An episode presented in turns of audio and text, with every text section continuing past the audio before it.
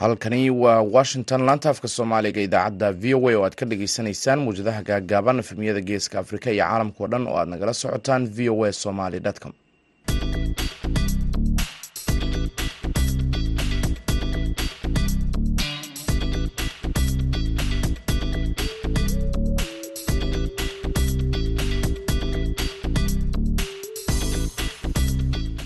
duhur wanaagsan dhegeystayaal waa maalin isniina bisha novembarna waa saddex iyo toban sanadka labada kun iyo saddex iyo labaatanka.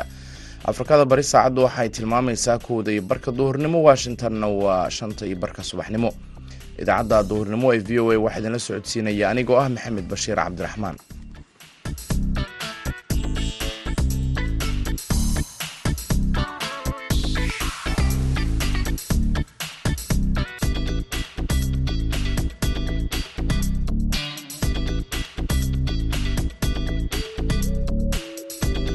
qodobada aad ku maqli doontaan idaacaddeenna duhurnimona waxaa ka mid a falanqeyn ku saabsan shirka madaxda carabta iyo islaamka ee ka soconaya riyaad oo looga hadlayo arrimaha khaza baahidii loo qabay in dagaalkaasi ay kaga jawaabaan carabtu uma qalmin laakiin wuxuu ahaa uun maxay tahay bayaano lamida kuwii horeyba uga soo bixi jiray ilaa iyo maxay tahay lixdankii sana u dambeeyey waddamada carabta ee lagaga dalbanayay inay dhibaatooyinka halkaa ka joojiso waxaad kaloo dhagaysan doontaan warbixin ka hadlaysa cudurka qaaxada ama t b-da oo la sheegay inuu soo batay wixii ka dambeeyey labadii kun iyo labaatankii. Qodobadaasi iyo ciyaarihii ayaad sidoo kale maqli doontaan balse waxaa ka horeynaya warkii caalamka.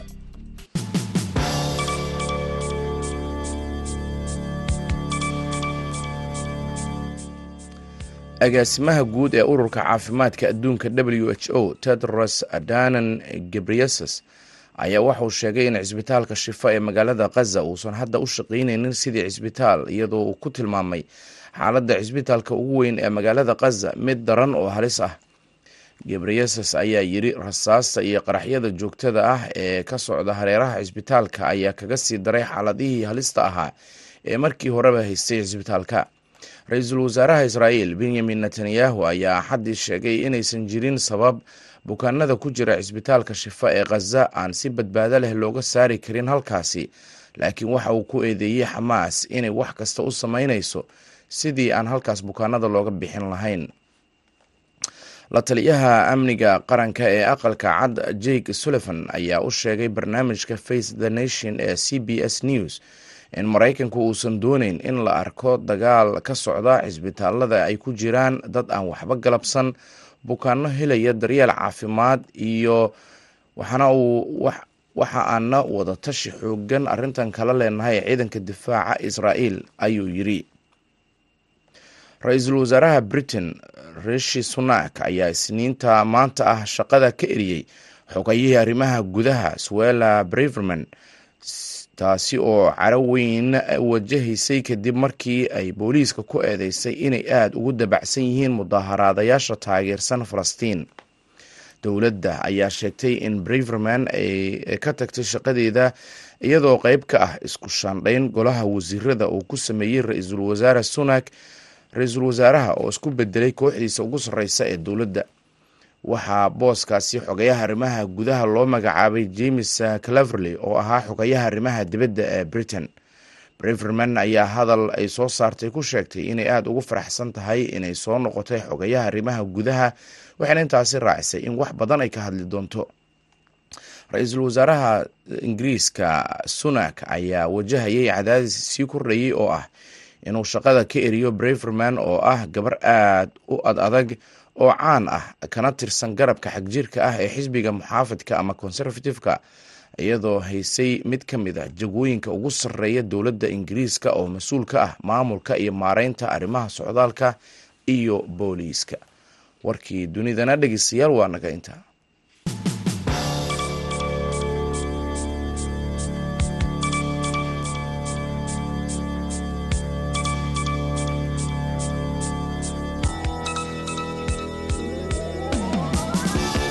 halka wararkaasi aad kala socotaan waa laanta afka soomaaliga ee v o a oo si toos idinkaga imaaneysa washington. Duhur wanaagsan mar kale. Dalka boqortooyada sacuudi arabiya waxaa lagu soo gebagabeeyey shir madaxeedkii dalalka islaamka iyo carabta kaasi oo looga arinsanayay arrimaha ka taagan marinka khaza shirka ayaa isku raacay inay cambaareeyaan weerarka islamarkaasina israa'iil ay ugu yeereen inay dullaanka joojiso. Waxay kaloo shirka uu sameeyey sanduuq dib loogu dhisayo khaza haddaba waxaa shirkaasi ka soo baxay iyo ahmiyadda uu lahaan karo uuna leeyahay reer khaza ayuu jamaal axmed cismaan ka wareystay maxamed biixi oo ka faallooda arrimaha bariga dhexe. Markaas dib loo eego waxyaabaha bayaanka ku xusan iyo maxay ahaytay arrimihii lagaga dooday marka dib loo eego xaaladda khaza iyo waxyaabaha ka taagan marka dib loogu noqdo maxay ahaytay baahida iyo dhibaatooyinka halkaasi ka jira? Iyo marka la isbarbar dhigo waxyaabaha ka soo baxay waxay ila tahay inaanay ahayn jawaab ku filan. Waxay ila tahay wax dabooli kara dhibaatada meesha ka taagan ina inaanay ka turjumaynin.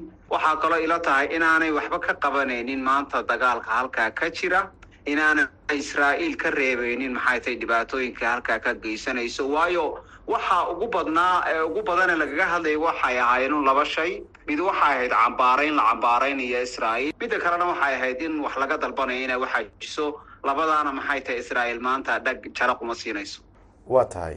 Marka maxaa la odhan karayaa shirkani ahmiyad gaar ah ayuu u lahaan karayaa colaadda ka socota khaza in la joojiyo marka la eego muhiimadda shirka dee waxay ku xidhnaanaysaa uun inuu ka jawaabayo baahida halkan taalla iyo dhibaatadan inuu wax ka tarayo. Maadaama waxa ka soo baxayn ay u badnaayeen maxay tahay cambaarayn iyo in la joojiyo waxay la tahay inaanu waxba ka taraynin dhibaatada dhulka taalla iyo baahiyaha dadkaasi ay qabaan. Iyo weliba dagaalka heerka maanta maraya marka la eego dhammaantood waxaaso dhan marka la isku duuduubo waxaa ka soo baxaya midho ah midho aan anfacaynin dadkaasi waxa ay rabaan iyo baahiyahooda iyo weliba xaaladda bini aadanimo ee halkaa ka taagan. Arrinta kale labaadi waxay tahay baaqiyo waaweyn oo kuwan ka adag ayaa ka soo baxaya caalamka gaar ahaan marka la eego waddamada yurub. Laakiin israa'iil diyaar uma aha. Iminka waxayba ka hadlayaan waxa ka dambeeya marka ay dhulkan ay maxay tahay qabsadaan oo iyaga iyo maraykanku ay isku haystaan hadalla ku saabsan inay doonayaan inay iyagu maamulaan. Marka baahidii loo qabay in dagaalkaasi ay kaga jawaabaan carabtu uma qalmin laakiin wuxuu ahaa uun maxay tahay bayaano lamida kuwii horeyba uga soo bixi jiray ilaa iyo maxay tahay lixdankii sana u dambeeyey waddamada carabta ee lagaga dalbanayay inay dhibaatooyinka halkaa ka joojiso warbaahinta qaar ayaa qoraysa in shirkan sidoo kale uu soo bandhigay kala fikir duunaanshiyaha dalalka carabta iyo iiraan oo kale oo arrintani hadda colaada khaza ka taagan.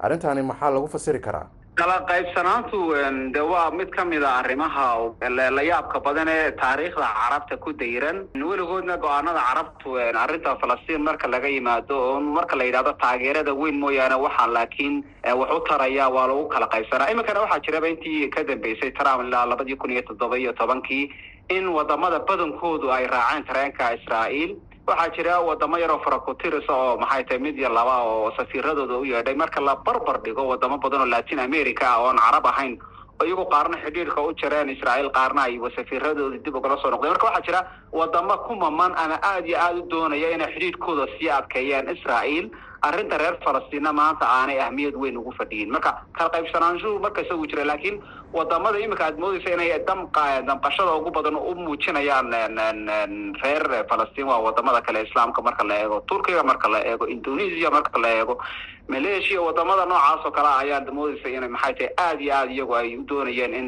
laga qaato go'aamo xoog badan. Waa tahay. Ugu dambeyn mustaqbalka khaza sidee buu kula muuqdaa iyo guud ahaan xaalka falastiiniyiinta. Marka la fiiriyo colaadda hadda taagan. Wallahi marka la eego colaadda hadda taagan marka la eego mowqifka netanyahu iyo kooxdiisa golihiisa dagaalka marka la eego maraykanka halka uu maanta ka taagan yahay waxay la tahay xaaladan inay sii dheeraan doonto. Waxaa kaloo ila tahay waayo culaysyo badan bay arrintani wadataa. Maraykanka culays gooniya baa saaran oo waxaa la xidhiidhaa dhinaca doorashooyinka kaydin boqolkiiba afartan iyo sideed dadka dhalinyarada maraykanku wey waa dadka codeeya baa la yidhaahdaa. Sida ay absios lagu ogaaday maxay haytay warbixina ay soo saartay. Dhalinyarada badankeedu maanta way diidan yihiin dagaalka. Marka la isbarbar dhigo jiilashii hore ee reer galbeedka iyo jiilashan cusub way kala duwan yihiin fikir ahaan. Caasimado badan oo washington iyo new york iyo london iyobay mudaharaadadu maanta ka dhacay marka culays badan baa maraykanka haysta si uu uga baxa arrintan buu raadinaya dhinaca kalena netanyahu culays badan baa haysta oo waxay uga dhigan tahay hadduu dagaalkan joojiyo in gacmihiisa isku bireeyey. Marka waxaa ku badbaadaya u inuu dagaaladan sii wado. Marka waxay la tahay dagaalkan inuu dheeraan doono inuu burburku sii badan doono xamaasna waxay u muuqataa inay maxay haytay iyaguna dhufaysyadooda ay sii xajisan doonaan. In badan oo dadka rayidka ah ayuu khasaaro u badan doonaa waxay la tahay israa'iilla inay dagaalkan ku dheeraan doono siday moodaysayna aanu ahayna ku adkaan doono. Marka xal hadda muuqda oo jira oo laga hadli karaa xilligan ma muuqdo gebi ahaanba kaasina wuxuu ahaa maxamed biixi oo ka faallooda arrimaha bariga dhexe wuxuuna khadka telefoonka ugu waramayey jamaal axmed cismaan. Markana dhegeystayaal waxaaynu ku nasanaynaa heesan dabacsan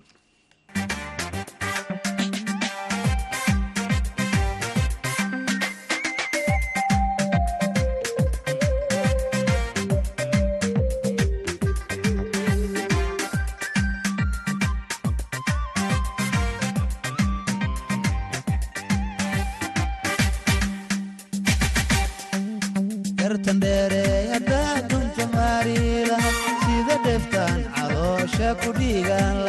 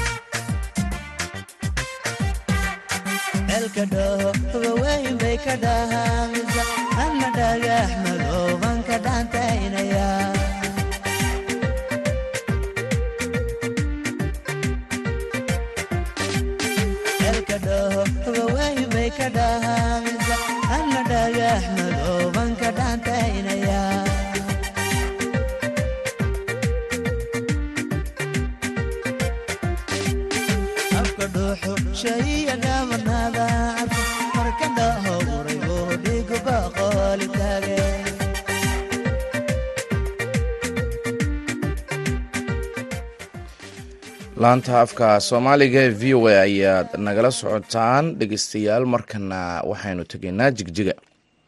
In ka badan afartan iyo lix kun oo qoysas ah ayaa ku barakacay khasaarihii ka dhashay roobkii dhowaantan ku hooray dowla deegaanka soomaalida ee dalka etoobiya wasiir ku-xigeenka xafiiska maareynta khataraha ee deegaankaasi ayaa isagoo la hadlayay warbaahinta waxa uu sheegay in loo sameeyo gurmad dadkaasi ay saameeyeen roobka deyrta fataahadihii ka dhashay.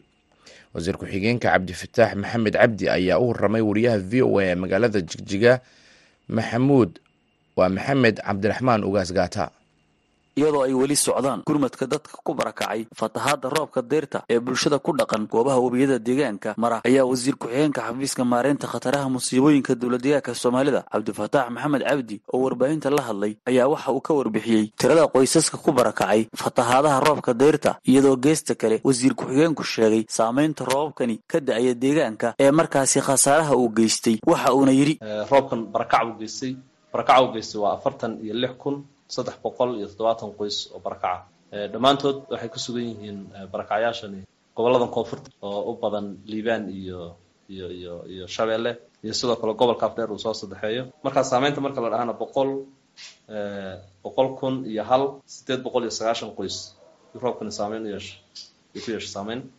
Dhimashada xoolaha marka aan u soo gudbo saddex kun saddex boqol iyo lixdan iyo afar neef oo kala duwan ayuu ayuu roobkani saameeyey oo macnihii dilay.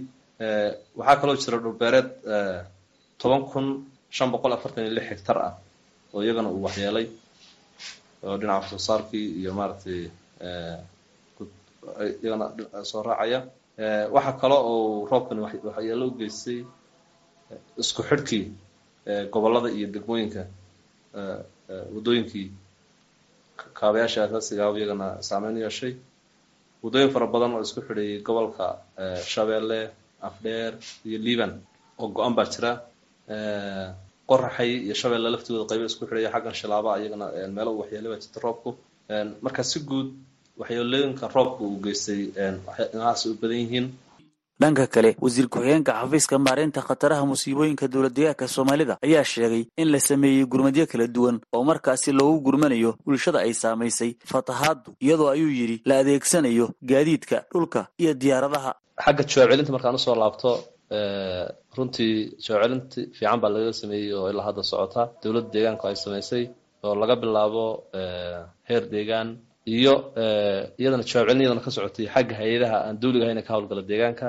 Sidoo kale waxaa jirtay taageero fiican oo runtii ka helay xafiiska dhigga annaga ee heer federaal oo iyaguna naga taageeray xagga cunnada iyo agabkaan cunnada ahayn inafayda iyo sidoo kale shacabka deegaanka oo runtii dadkii barakacay ay qaarkood martigeliyeen is-abaabul shacabka dhexdiisa oo iscaawina ay iyadana la sameeyey. Dhalinyaro mutadawiciina oo meelaha daadadku ay harqiyeen iyagana ka howlgalay oo na caawinayo runtiina garab taagna jawaab celintaan bixinayno oo shalay ugu dambeysay qalaafo markii meel loo mara la waayey inay lugahooda dhalinyarada baal taqaano oo ilaa lixdan iyo shan dhalinyaro ay alaabadii aan geenay dhowrka cisho meesha ku xanibnaa gudbi kar laha ay gudbiyeen iyaga iyo helicopter iyagana aan ciidamada qaranka federaalka laga helay.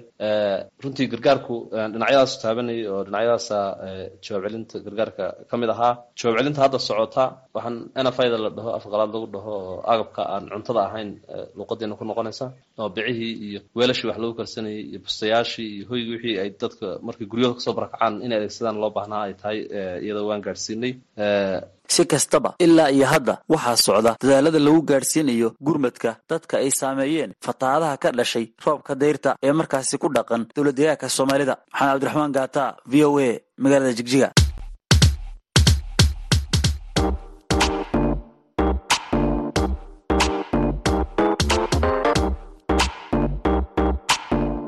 idaacadda v o a waxaad si toos uga dhegaysan kartaa efemyada magaalooyinka geeska afrika. Haddii aad joogto magaalada muqdisho waxaad v o a ka dhegaysan kartaa v o e da f m teda sagaal iyo sagaashan dhibic sagaal iyo raadiyo muqdisho f m teda sagaashan dhibic eber eber. Reediyo kulmiye f m ta sideed sideed reediyo risaala hal eber labo dhibic labo hargeysa sideed sideed dhibic eber v o a. Haddii aad kismaayo joogto v o e da waxaad ka dhegaysan kartaa raadiyo sooyaal f m sideed sideed dhibic eber.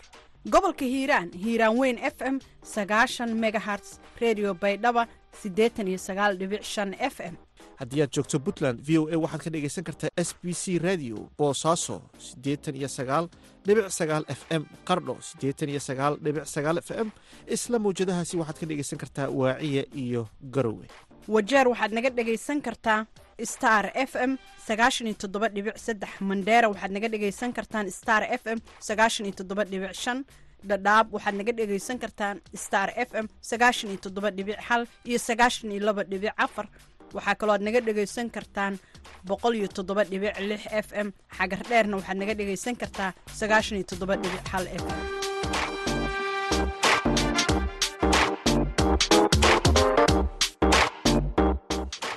Laanta afka soomaaliga ee v o a ayaad weli nagala socotaan. Markana xanuunka qaaxada ama t b-da loo yaqaano ayaa ilaa hadda ka mid ah cudurrada ugu badan ee ay dadku u dhintaan dunida oo dhan sida ay sheegtay hay'adda caafimaadka u qaabilsan qaramada midoobay ee w h o. Xanuunka t b-da ayaa la sheegay inuu aada ugu soo batay wixii ka dambeeyey sannadkii labadii kun iyo labaatankii markii xanuunka coronavirus uu dilaacay islamarkaasina aada looga gaabiyey daweynta iyo dadaalkii lagu bixin jiray t b-da dad badan oo qabay xanuunka qaaxada iyo cudurrada kale ee saableyda ku dhaca ayaa saameynta ugu weyn uu ku yeeshay xanuunkii covid sagaal iyo toban iyadoo intoodii badneedna ay u dhinteen neefta oo qabatay iyo caabuq sababaha kaga dhashay. Wariyaha v o a henry ridwell ayaa warbixintan ka soo diray london. Saare cidle nuur ayaana noo soo koobaysa ku dhowaad sagaal milyan iyo bar qof ayaa sannadkii tegay ee labadii kun iyo laba iyo labaatankii u dhintay xanuunka qaaxada amaba t b-da dunida oo dhan.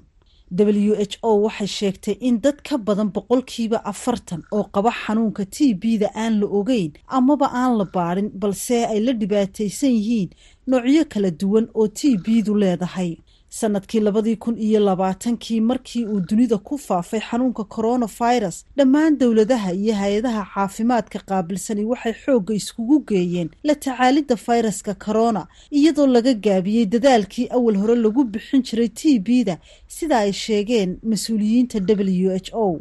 Doctor lucika titui oo ka tirsan waaxda la dagaalanka t b-da ayaa sheegtay in korarhka dadka laga helaya xanuunku uu aada u sii batay.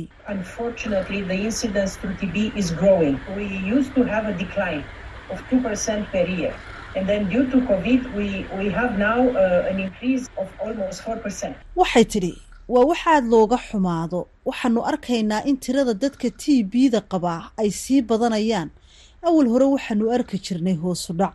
Ugu yaraan boqolkiiba laba sanadkiiba laakiin imika waxa muuqata korarhka dadka t b-du ku dhacaysa oo gaadhaya ilaa boqolkiiba afar sanad kasta.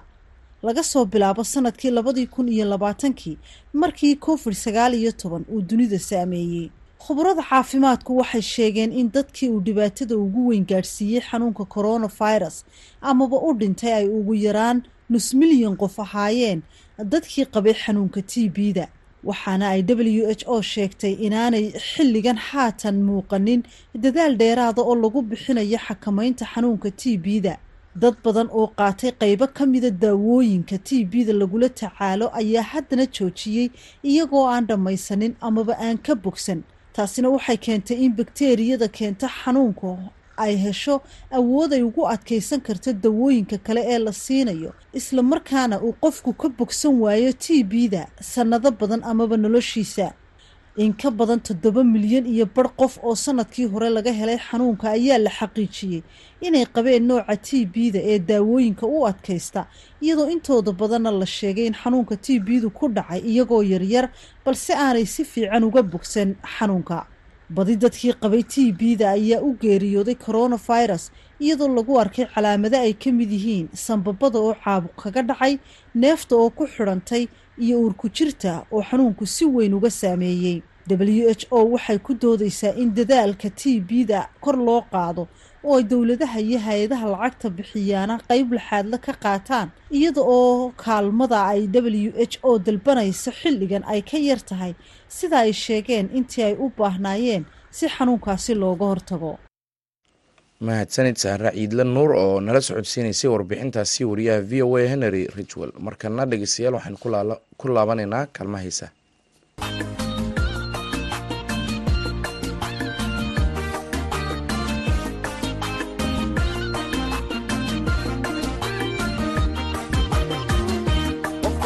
kaalmahaysa mabagayo ku joogsiye jamashadu badhaadhiyo waxay tahay janno kale oo ku jecelaadoo jecel.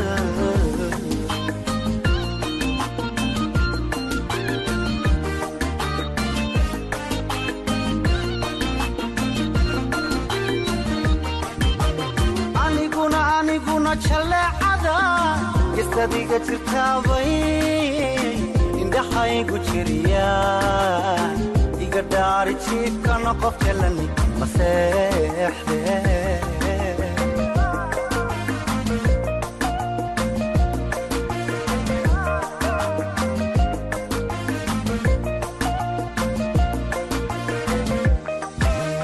aniguna aniguna jaleecada gestadiga jirtaabay indhaxaygu jiriya dhaari jiibkana qof jalani maseexde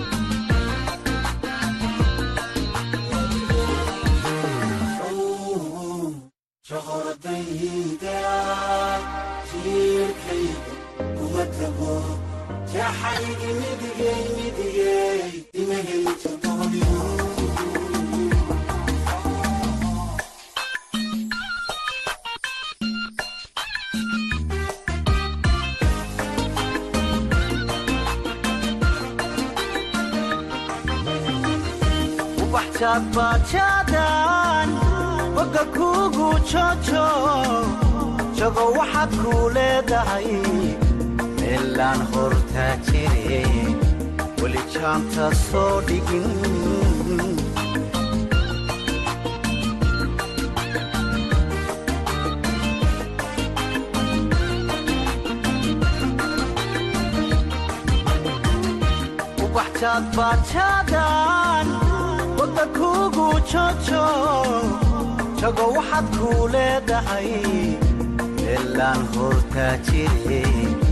weli jaanta soo dhigin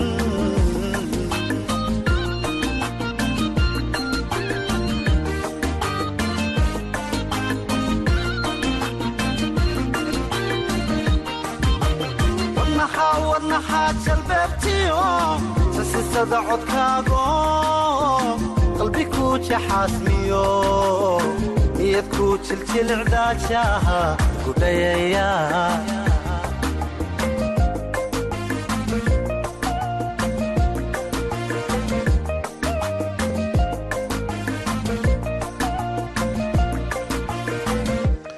codkaasi maxamed b k wuxuu gebagabo u ahaa idaacaddii duhurnimo ee v o a oo si toos idinkaga imaanaysay washington. Tan iyo kulanti dambe waxaan idin leenahay nabadgelyo